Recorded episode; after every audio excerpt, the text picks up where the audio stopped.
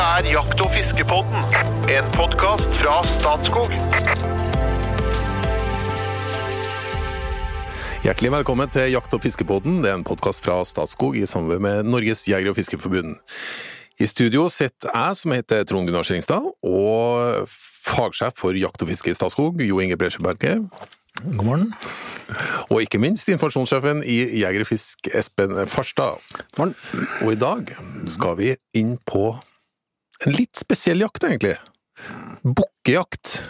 Og når jeg sier bukkejakt, så skjønner alle hvilken type bukk vi snakker om. For det er ikke en reinsdyrbukk, for eksempel. Nei. Hvorfor, hvorfor er det sånn? Nei, for det at altså eh, Per du lyver, bukkerittet Henrik Ibsen, da, da, snakker vi om, da snakker vi om reinsdyr. Men når vi sier bukkejakt i, i jaktsammenheng, da snakker vi om rådyr. Nettopp. Ja. Eh, Og vi, vi, vi, vi satt og prata om det litt plutselig her. at Det er jo den eneste arten som vi har eh, to jakttider på. Rådyret. Og, og, og her åpner man seg opp for bukkejakt eh, fra 10. august. Mens eh, rådyrjakta, som vi kaller resten, da, det, Ja, ja. det starter eh, 25. september. Du kan felle bukk etter 25., men da åpner det for alle andre dyrekategorier. Ja. Og det Ja, forklar litt nærmere. Hva er, hva er bakgrunnen for dette? Veldig spesiell ordning. Det er jo en tradisjon eh, over råder er utbredt over hele Europa, og det er en tradisjon over hele Europa å ha, ha brunstjakt. Altså ha jakt i forbindelse med brunsten. Og vårt råder her i nord, da, så er typisk brunsten ferdig til vi begynner jakta. Så at vi jakter den rett liksom helt til avslutningen, eller rett etter at brunsten er ferdig. Mens det er jo vanlig da liksom i Danmark og i Polen og Ungarn, så jakter de faktisk i brunsten. Da er det vårjakt. Altså Dansker begynner 16. mai, eksempel. Men da stenger de jakta tidligere på høsten, da. Så det er, det er litt forskjellig bakgrunner for det der, da. Men eh, vi starter som sagt rett etter brunsten vår. Og rådyr har forsinket brunst, så geita blir da para typisk midt i juli til begynnelsen på august en gang. Og så har den forsinket eh, fosterutvikling, så den går på en måte i dvale til etter jul. Og så begynner graviditeten i gang. Okay. Ja. Veldig spesielt. Ja, Det er ikke bare det, bare for å nevne det. da. Hvis det, hvis det går mot en litt hard og tøff vinter, så kanskje hun ikke velger å utvikle eh, graviditeten i det hele tatt. Eh, eller om eh, Eller abortere. Ja, eller abortere, ja. Eller om det ser veldig ut til at dette kommer til å være en god vinter med mye tilgang til mat, sånn, så kan hun utvikle tvillinger eller trillinger. Så det er viselig. Sånn skulle vi hatt det. Ja. Hvis vi går litt opp i Hvis vi ser dette litt over tid, eh, hvordan har utviklinga på rådyr eh, vært generelt i Norge? Ja, det, det første rådyret kom til Norge i 1871, i moderne tid.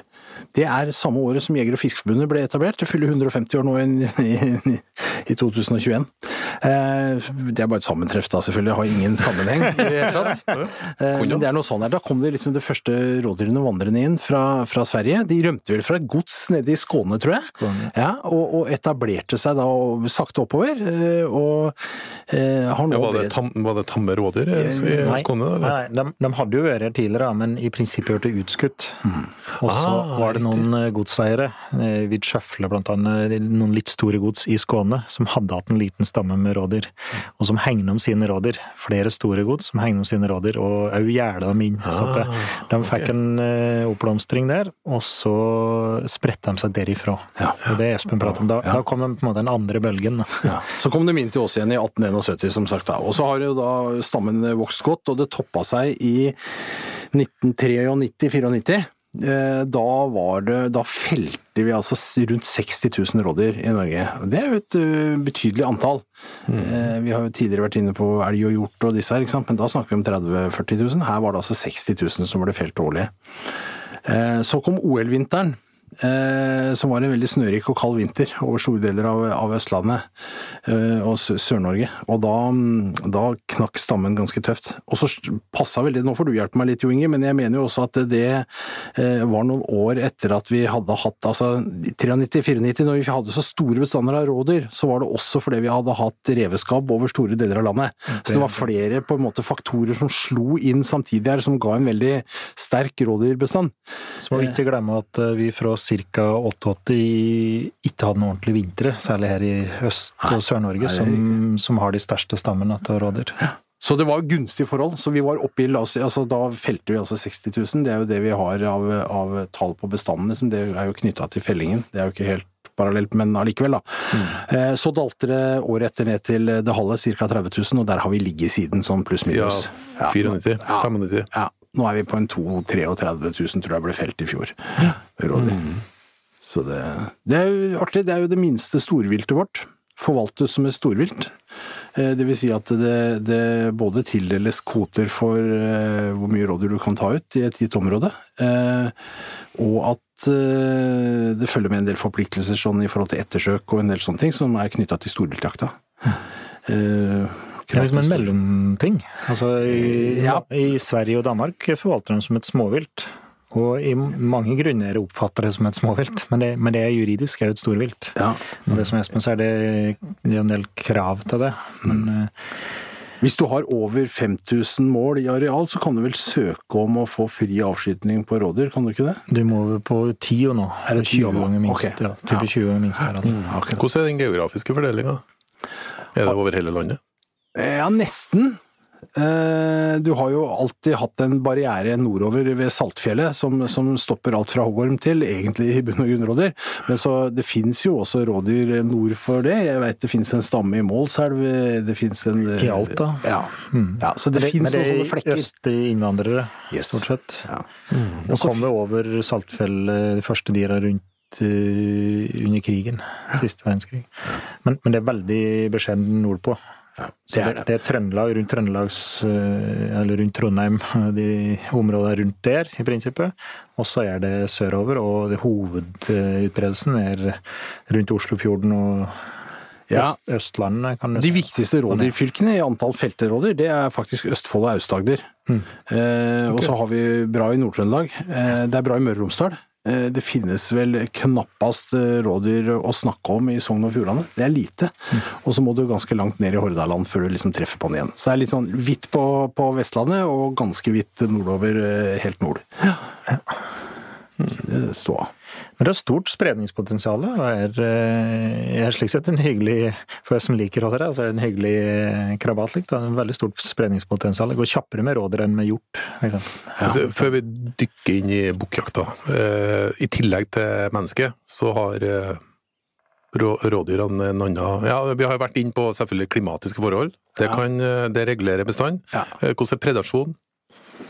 Her er jo i, Særlig nordover så er det som sier det med klimatiske forhold. altså Vinteren, hard vinter. De har jo små kløver, veldig dårlig bæreevne. Og, og tretter mye snø, løs snø, tretter det dårlig. da. Så at eh, vinteren setter en begrensning i Norge for hvor du kan ha, og hvor mye rådyr du kan ha. Og Neste faktoren er predasjon. Det er veldig liten grad vi mennesker som, som påvirker utviklinga. Hvilke predatorer snakker du om? Det er først og fremst rev, og det andre er fòrøstere. Ah. Og gaupe, kan du si. Ja, og gaupe. Ja, riktig. Men eh, så, så, i noen områder faktisk så er jo gaupa en betydelig eh, predasjonsfaktor, mm. men i all hovedsak er det rev. Og det er jo gjort studier i ikke nødvendigvis i Norge, men i Sverige og Danmark som viser at reven tar en tredjedel til to tredjedeler til alle rådyr, lam eller kalver som blir født. Og selvfølgelig også er gaupa en god, veldig god jeger, og kan være Her i Øst-Norge så kan det være en spesialist, nærmest, på rådyr. Og mm. da Den kan være en betydelig faktor på vinterstid, særlig på vinterstid. Mm. Ja, og så nevnte du fòrhøstere. Altså det går mange, dessverre, i, i, i grasproduksjon om våren. Eh, litt vanskelig å, å, komme unna. Man har jo prøvd mange ulike tiltak for å liksom forhindre dette ved å gå gjennom åker og legge ut menneskelukt og overvåke med droner og prøve med raslekjettinger foran. og det, det, er alt mulig rart man har prøvd, men det går mye der. Lite som hjelper. Lite som, ja, faktisk. Mm. Men så også glemte vi kanskje én ting, Jo Ingo, det er jo trafikken. Ja. Uh, rådyr er jo virkelig det hjorteviltet som blir kjørt i hjel. Ja. Uh, og der hvor kanskje en elg eller en hjort uh, i en heldig uh, kollisjon kan overleve og komme unna, liksom, så vil rådyret, fordi det er så lite, stort sett Stort sett gå galt. Mm. Og ikke kan utnyttes denne heller. Da er det stort sett ødelagt som menneskemat. Ja. Og det er vi, ja, så vidt jeg husker tallene, nå må jeg ta med en klype salt, men jeg mener like, i størrelsesorden oppi 5000 rådyr. Om annet, som kan bli drept i trafikken. Det er flere tusen i hvert fall. Og av de 30 vi skuter, så er det en veldig betydelig del som går i trafikken. Mm. Jeg har jo en veldig slunken eh, jakterfaring, men jeg har jo faktisk da vært med på rådyrjakt. Og det var jo et ganske sky dyr. Ja. Det var jo betydelig vanskeligere enn jeg hadde trodd. Mm. Samtidig så kan jeg jo sitte og nyte sola i, på, på terrassen min, og se at dere rådyrene driver og spiser opp rosebuskene. Det rimer ikke? Nei, det, for det første det rimer det ikke helt. Og for det andre så lurer jeg på om om, om bestanden holder på å ta seg opp, eller ja, det, det, det, er jo noen tegn som tyder på at det er, er litt bedre med rådyr, og det er jo gledelig. Jeg syns jeg hører fra mange jegere at det er god produksjon mange steder. Det har vært relativt gunstige år et par år. Og, og vi ser litt på fellingsstatistikken nå, at det faktisk er noen tusen flere som felles nå enn for noen år tilbake. Så det kan nok ha rett i. Det at rådyr tusler inn i hagen din, altså de er, de er flinke til å omgås mennesker. de er det. Eh, men, men, vi, jeg har jo mange ganger sverga på at det er jo ikke samme arten engang, kan ikke være samme rådyra i hvert fall. For at de som er ute i skauen oppfører seg helt annerledes. Ja, da, er det, da er det noe straks noe annet. Men det er klart at de tilpasser seg. De Veldig tilpasningsdyktig. Ja, de gjør det. Så de skjønner jo at her er det ikke farlig, og her kan jeg stå stille, så passerer det mennesket. Men det skjer ikke i en jaktsituasjon i skogen. Nei, Så det er to vidt forskjellige ting. De skiller på det typisk det å bli forferd eller mm. jakte på, da, kontra eh, mennesker som utviser ufarlig atferd. Mm. Og, og, jeg har jaktet en del eh, sentrumsnære områder der du har type turstier og slik, og jakter bukk. Altså som vi skal inn på her. Ja.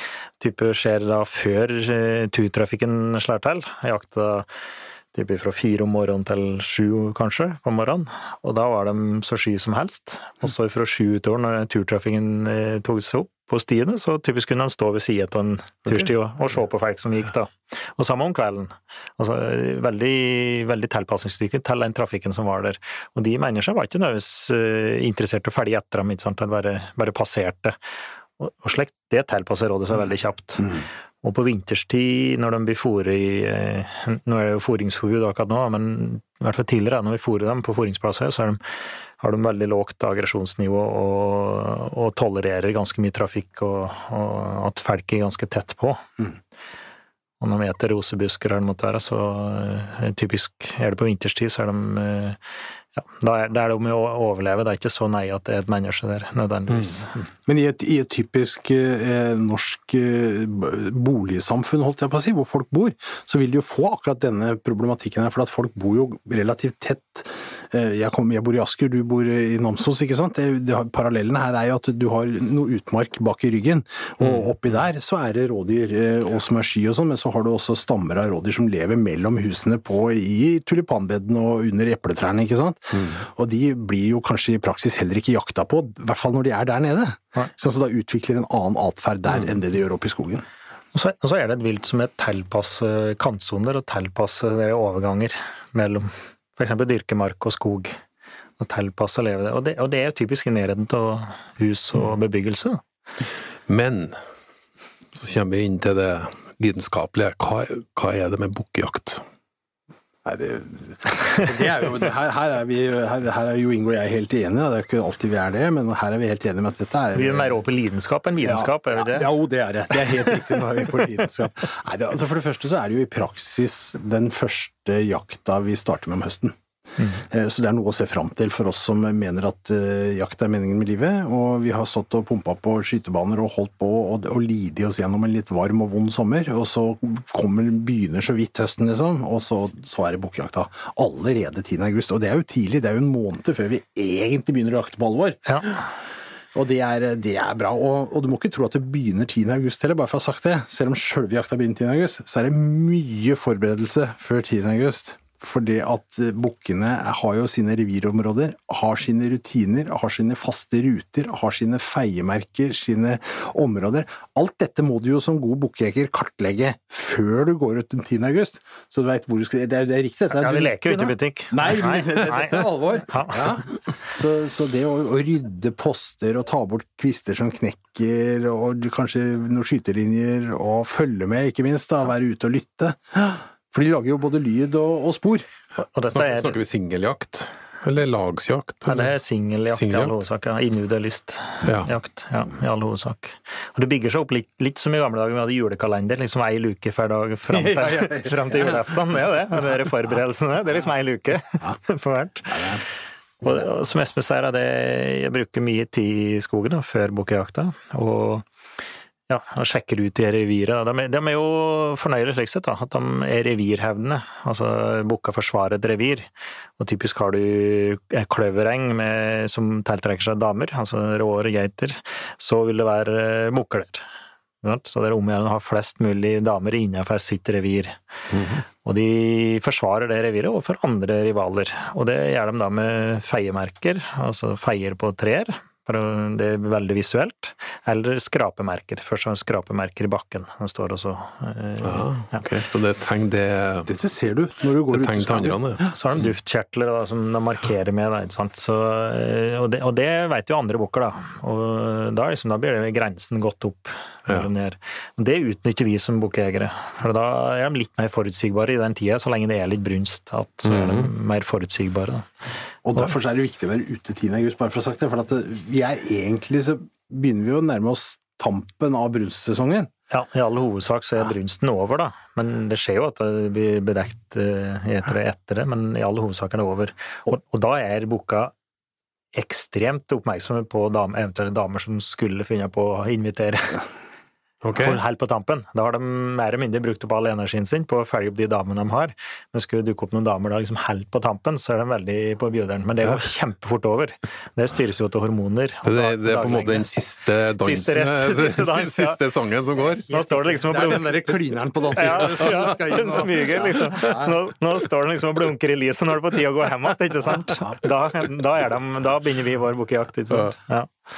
Og da, da foregår det jo slik at man, man beveger seg jo ut i terrenget der man da nå har trua på at her skal det være en bukk. Man er grytidlig oppe om morgenen, ikke sant? før det blir lyst. Kristelig tidlig. Ja, det er det. Du skal være ute på plass. Stille inn på post. Ikke noe lyder. Ingen, altså, alt er liksom Det er, det er indianerjakt, dette her. Ikke sant? Så dette er på en måte Er det noen gang du virkelig føler at du må bruke alt du kan som jeger, så er det dette her. Vindretning, utrolig viktig. Lyd, tabu. Eh, riktig plass, velge. Det, det er liksom forberedelsene. Og så setter du deg ned. Venter ti minutter, et kvarter, sitter helt stille. Og her er det ikke snakk om noe elektronikk på jakt eller noe sånt. Så dette er helt strippa. Det er, det er bare deg. Du er helt strippa. Eh, og så eh, lokker du. Så lokker du på, på rådyr. Så lager okay. du altså lokkelyder som gjør at hormonene våkner i han bukkekameraten. som Han, og han kommer, kan komme i hundre, altså. Med stive bein. Bruker dere noe fløyte, eller? Ja, jeg bruker, jeg bruker en Jeg har to. Jeg har en sånn Buttolo, som er en sånn der gummiballfløyte som du trykker på og lager, eh, lager lyd. Og så har jeg en, en eh, sånn tysk eh. Hornfløyte. Ja. Laget av et fallgevir som lager de samme lydene. Hei, Espen, når du lokker på en eh, rådyrbukk, hvordan høres det ut da? Ja, det, det, kan- det kan være litt forskjellige lyder som du kan bruke. Eh, Men nå har vi laga en eh, app, eh, altså i NJFF-appen, som du kan laste ned gratis. Så ligger det eksempler på lokkelyder som du kan sitte hjemme og øve og trene litt med. Det er en av Norges fremste lokkere, Tor Ola Dæhlie, som vi fikk eh, lokka inn i studio. Det å, å spille inn disse for oss som et sånn trenings... Så du skal få høre en eh, For eksempel så kan du prøve å imitere en killing, en rådyrkilling, som søker kontakt. Eh, Det lokker inn geita, men forhåpentligvis kommer det da en bukk på slep, eh, og det, det, det er en bra fløyte. Den lyder sånn.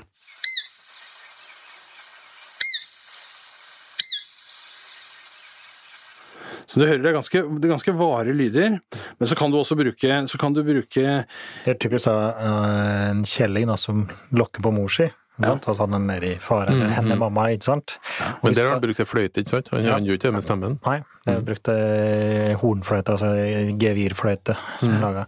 Og så vil da forhåpentligvis da geita komme og sjekke ut det her, og hvis hun da har med seg en bukk, så kommer det inn på slep. Det er det som er tanken her. da. Du drar ofte inn geiter på den lyden der, men Ja. geiter geita kan ha en bukk på slep. Og så har vi hetslyd fra geita. Da er det altså en geit som føler seg plaga av en bukk som driver og, og maser på. Og det trigger jo den andre bukken til å komme, ikke sant? skal forsvare livet sitt. det er liksom siste, siste dansen, og så er det noen som prøver seg på dama. Ja, ja, ja. Er litt- Og da låter det sånn.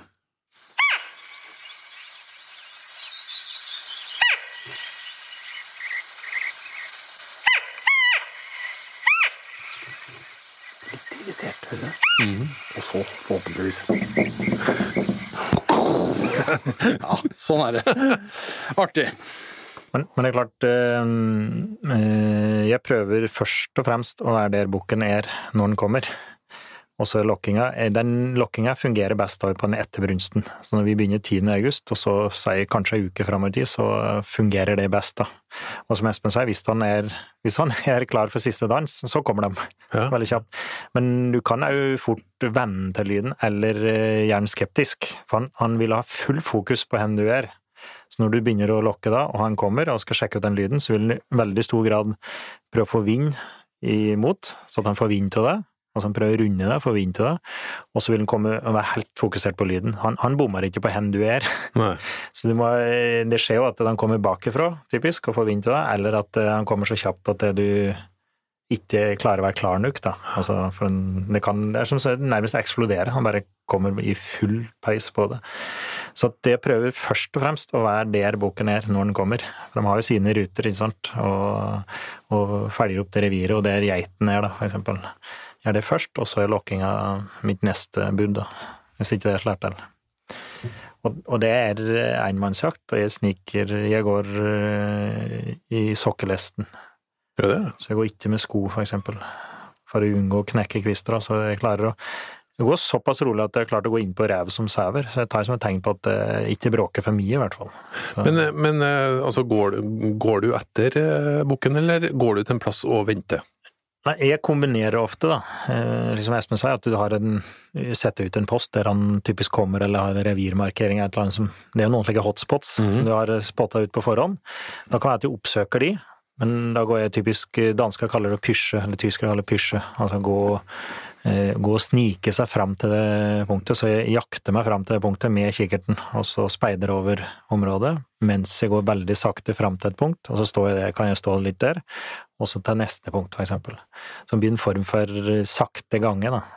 Har, Smygjakt. Smygjakt ja, ja. Men er du, har du Ja, for å si det så, har du skudd i kammeret? Kan du ha i det etterpå, eller har du Du står helt klar? Ja, ja. har skudd i kamera, ja. Ja, ja. Ja, du kan ikke ha noe klakk, klakk, klikk, Nei, klikk. nei, nei, nei, nei, nei. Overhodet ikke. Nei, så det er klar, ja. Så helt, du er helt altså du er helt på alerten. Ja. Det er derfor dette er så gøy. Det er nesten like stilig som støkkjakt på fugl. Ikke sant? Ja, Du er helt på grensen, ja. Du er helt på helt, ikke sant? Jeg, jeg klarer liksom ikke helt å bestemme. Dere diskuterte litt der. Eh, Topp tre, liksom. Så jeg er inne på duejakt, og så er jeg på bukkejakt, og så er jeg på skogsfugljakt. Jeg klarer liksom ikke helt å bestemme her som er artigst, men, men- det er helt der oppe. Vi kan, kan fråtse litt. Ja, vi kan. Ja. Men er en type en klassisk eh, skuddsituasjon, da. Hvordan ser den ut? Ja, altså Hvis du er heldig, så kommer bukken der du tror han skal komme. ut av skaukanten, liksom. Du tenker han kommer der, og så og kommer han ut litt sånn raskt og stopper litt med beina, sånn stive bein, liksom, og blir stående. Da kan du jo få en veldig god skuddsituasjon hvis han står riktig, for da stopper han jo opp, liksom. Eh, Men så kan du like liksom godt risikere at, som, som Inge sier, at eh, plutselig så er han bak deg. Og da er du litt stuck, ikke sant? for du kan ikke begynne, det, er- jo ikke noe jakt hvor du hiver deg rundt og løsner et skudd. Altså Her må du på en måte ha kontroll. Det er ganske kontrollerte skuddsituasjoner. ja, det det. Det vet vi også fra, fra undersøkelser rundt, eh, rundt eh, skudd mot rådyr og, og eventuelt skadeskudd og sånn. Dette er jo situasjoner hvor det nesten ikke er skadeskyting, og hvor det er full kontroll på situasjonen hele tiden. Så det er egentlig gode skuddsituasjoner, men det er ikke alltid du får dem, for å si det sånn. Pluss dedikerte jegere, i all hovedsak. Veldig. dedikerte Mm. jegere, både på, på alt. Altså på utstyret og skuting og trening og alle forberedelser og alt. Og så er det i hvert fall min jakt da, som foregår i skog.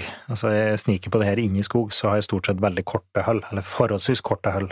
Det kan være høgstflate, eksempel, men i all hovedsak korte hull. da. Og riflejakt, da, her er det jo ikke lov å bruke hagle. Ja. Det er det nemlig på annenrådyrjakt mm. fra 25.9, men her er det bare rifle som gjelder. Fordi Eh, Nei, fordi at, eh, fordi at eh, det, det er jo For det første er det jo litt Altså, det er jo de største rådyra. Det er eh, eh, ikke eh, en situasjon hvor du alltid veit hvor dyra kommer. Når du sitter på rådyrpost, så vil du kunne forvente at rådyret kommer der, og det er haglehold. Det har du ikke her. Disse dyra beveger seg på en måte mye mer rundt deg på alle mulige måter, så du trenger riflas egenskaper for å kunne være en effektiv jeger. Og selv om da, som jeg sier, får dem inn på tett hull, så er det, er det ofte at det er litt mer enn haglehull.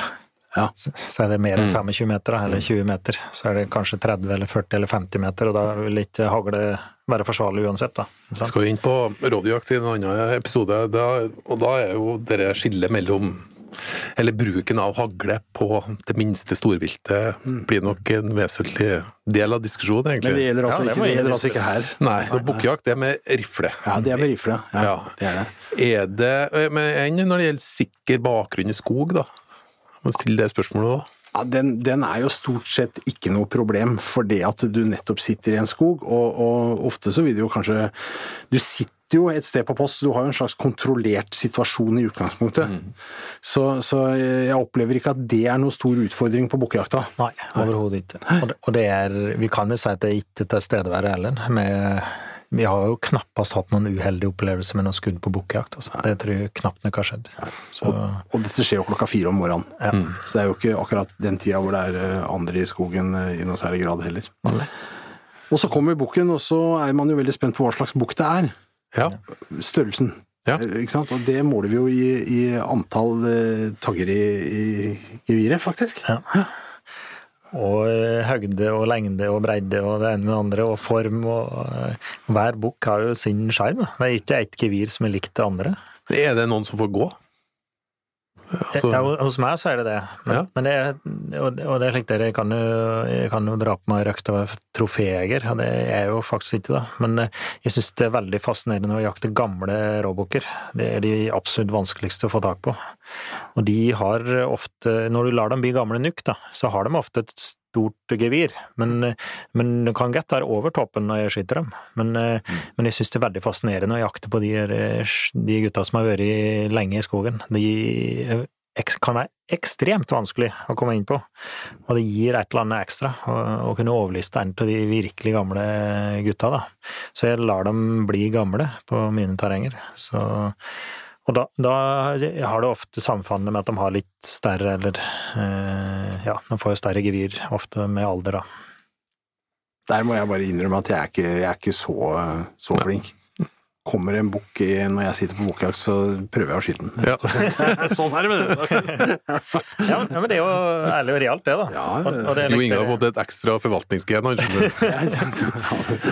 Han vokste opp i matfatet, han. Sånn. Nei, men det er jo, og, og det er jo all respekt, for det er jo veldig mange som Altså, en bukk er en bukk, da. Så skuter den første bukken, og det er jo helt greit, det òg. Altså, det er en form for forvaltning, det òg. Det er en presis forvaltning. Bare for å sagt det her, Dette er jo virkelig en presis forvaltning. Vi skyter bare de bukkene som vi skal skyte. Eh, Rådyrgeita som går der med relativt små kje, får jo gå i fred og blir jo ikke berørt av dette i det hele tatt. Og, og det å ta ut eh, en god del bukk i bestanden, det, det er ikke noe negativt for bestandsutviklingen. Det, det har vi ganske god erfaring på. Altså Danmark, som, som jo er fra naturens side et rikere rådyrland. Altså det er lettere å være rådyr i Danmark, ikke sant? Men, men allikevel, de skyter altså 110 000 rådyr i året mot våre 30 000. Eh, og bruker veldig mye tid og ressurser på bukkejakta, som er veldig populær i Danmark. Ja. Det er nesten felkejakt i Danmark. Og det er jo ikke noe slikt som halvparten da, til rådere er bukker som blir skutt i. Det er noe slikt. da. Og allikevel så har de høye, høye, tette bestander av av rådyr. Så jeg tror ikke bukkejakta er ikke noe negativt for bestanden i et område. Det, det, det, da tror jeg du skal skyte hardt. Men, men dansker har heller ikke noen spesielt store bukker lenger. Fordi gjennomsnittsalderen er veldig låg. De skuter uh, sine bukker som så at gjennomsnittsalderen uh, sist jeg så en undersøkelse på Carlo, var den på 1,7 år. Som er under to år i gjennomsnitt. Og noen av de eldste råbukka jeg har skutt, er oppe i ti år. Så det er noe med å la dem bli gamle nok. Det, det rekker de ikke i Danmark når du har så høyt jaktpress. Men, men du tretter ganske høyt jaktpress på råbukker. da. En, en voksenbukk kan eh, bedekke eh, bra antall eh, geiter. da. Så Så Det, det er tilsvarende som på elg. Kan ja, du se. ja, langt på vei. Men, Produksjonsdyr på ene sida, og så har du kalv og okser, da. Men du Det er jo mange som lar de største elgoksene gå, da. ja, det har, men, Men det er en derfor jeg spurte om eh, Ja. rådyrbukk. eh, det har nok en større fordel i elg- og hjortebestand enn det har i rådyrbestand. Mm. Akkurat det, da. Altså, en stor elgokse får ei ku tidligere i brunst. Eh, hun, får, hun blir bedekt tidligere, får kalven tidligere. Altså, det er jo litt de samme fordeler som vil en rådyr ha, men det er, det er en høyere andel bukk i i hvert fall i våre rådyrstammer, enn det er andel elgokser, f.eks. Mm. Det blir mye mer forvaltet med jakt, elgstammen, enn rådyrstammen. Mm. Sparer du på bukkhornene, da? Uh, nei, jeg gjør egentlig ikke det. Uh, og så drar jeg litt på det, for jeg har, jeg har en flott rådyrbukk uh, stoppa ut i sånn bokmontasje på kontoret mitt. For den syns jeg var så flott, og det var litt sånn spesiell historie rundt den. Så den har jeg liksom, men ellers så er ikke jeg så opptatt av den gevirbiten. Det er opplevelsen og spenninga rundt jakta, og så det å kunne ta med seg rådyrkjøtt hjem. Det er liksom det som er driveren her. Mm. Men de da, de, hva, hva, med demses bransjeberget? har nemlig vært hjem til deg. ja, det er det. Ja, men det var, ikke, det var ikke veldig mange bukker som hang oppe, det var det ikke.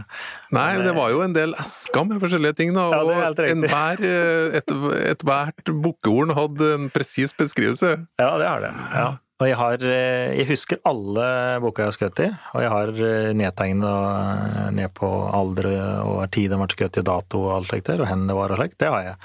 Men eh, det var ja, for noen år siden så var det populært med å ha noen gevir i det interiørbladet, og det oppdager vi en tilfeldighet. La et interiørblad på en, på en benk hjemme, at ikke kanskje vi skulle henge opp et rådyrhand, vi òg.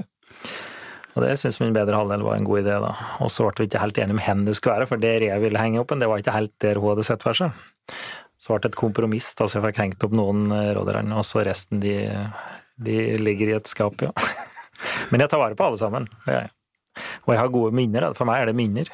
Og så med en gang jeg ser den bukkeskallen, så, så er jeg tilbake der til jakta. Og ja, ja. Jeg husker jaktepisoden og, og skuddet, alt sammen går tilbake. Så, det, er, så, så det som, hvis jeg skal prøve å forstå det, så er det det at det krever såpass mye, og du må være så ekstremt dedikert. fokusert og dedikert ja, mm. i det du gjør, for å kunne lykkes i den jakta.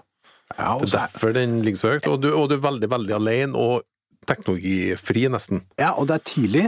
Det er, ja. det er, også viktig at det er en tidlig jakt. Og det er, det er en litt annerledes jakt i den forstand, for du, du, sitter ute og egentlig irriterer deg litt over myggen. Ja. Det gjør du ikke så mye utover høsten. ikke sant? Dette er, liksom, det er jo fremdeles mm. sommer! Mm. Her, er, her er mygg. Ja. ja. ja, jeg skjønner. Så, så kan du ikke drive og slå noe mye rundt deg heller? Nei, nei, nei, du må bare la dem bli ferdig. Hvordan er kjøttet? Ja, Det er jo fint. Ja. Er det noen forskjell på et eh, kje og en bukk kjøttmessig? Bortsett fra det mer selvfølgelig på en bukk, blir det gammelt og trått? Nei, Nei, altså rådyra er, rådyra er møre. Ja. Rådyra er eh, finfibra. De er, det er kjempegod mat. Ja. Det er veldig god mat. Altså, jeg har vært borti noen som driver med litt sånn langtidssteking og sous vide-steking og sånn, lage rådyr, og det, det, blir nesten too much, spør du meg. Det, kan ja. bli, det, er ikke nødvendig. Nei, det blir så mørt at du, du, tror nesten at du har skutt en, en litt fint forma leverpostei, ikke sant? For det, det, det, blir nesten too much. Ja ja, det er nesten som leverpostei. Litt, og, og, nesten litt leveraktig smak nå. Den, den, trenger ikke det. Og du trenger ikke henge dem så lenge, faktisk. Du, du, kan få litt leversmak på det. Okay. Så som å finne en balansegang her. Men det er jo noe Det, det er det beste kjøttet. Ja, det, du kan ete dem uten å mørne dem egentlig i utgangspunktet. Mm.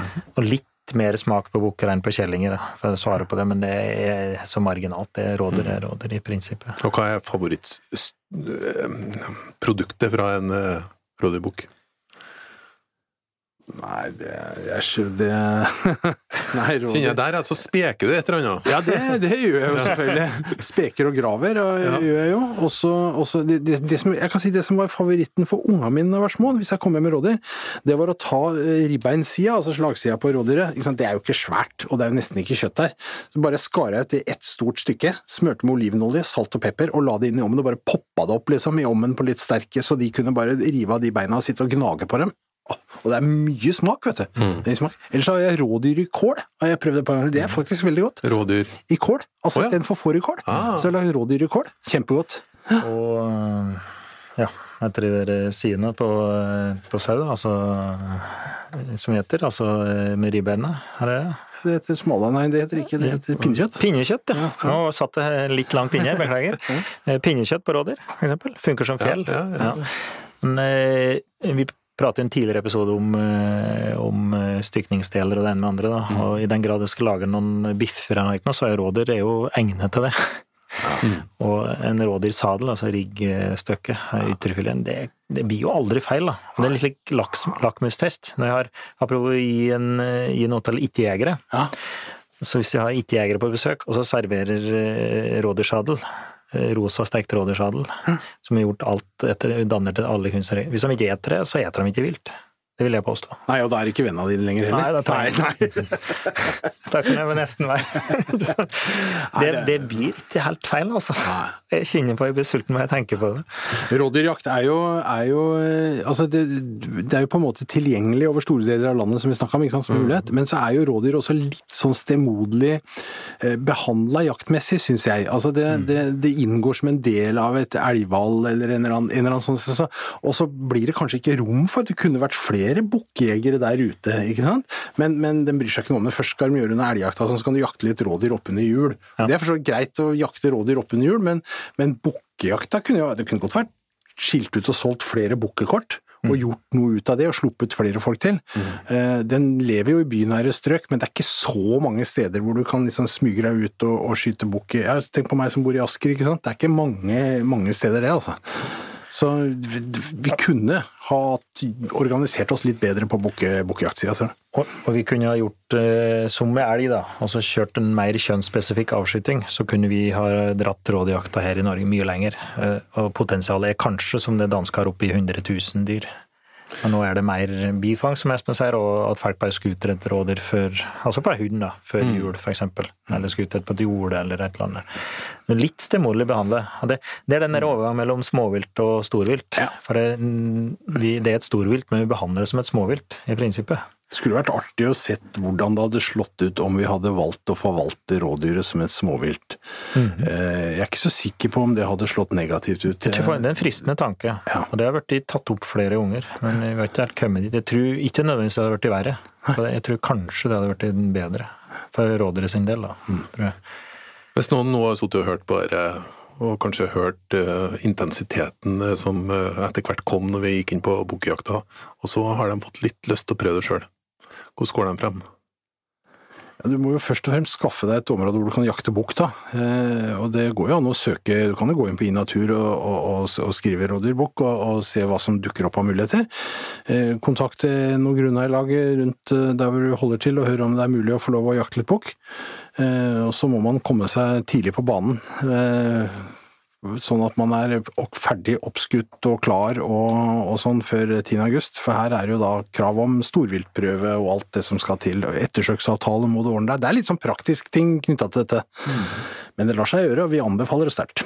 Og det, og det ja, i all hovedsak private terreng, og den knyttet til, nært knyttet til kulturlandskapet. Så det vil jo være av type bønder eller utmarkslag eh, i nærheten av kulturlandskapet som vil ha rådyrretter, rådyrløyver. Og det er det kanskje størst sjanse for å treffe på rådyr. Liksom, vi i Statskog har noe rådyrjakt, men det er typisk skogsjakt som er veldig mye vanskeligere enn jakt på rådyr nede i kulturlandskapet. Men det er fullt mulig å få tak i rådyrterreng og rådyrkort rundt omkring. Jeg håper inspirasjonen har bredt seg. Da går vi ned for landing på bukkejakt. Gå gjerne inn og abonner på podkasten, og gi gjerne tilbakemeldinger på den. Og hjertelig velkommen tilbake til Jakt- og fiskepodden.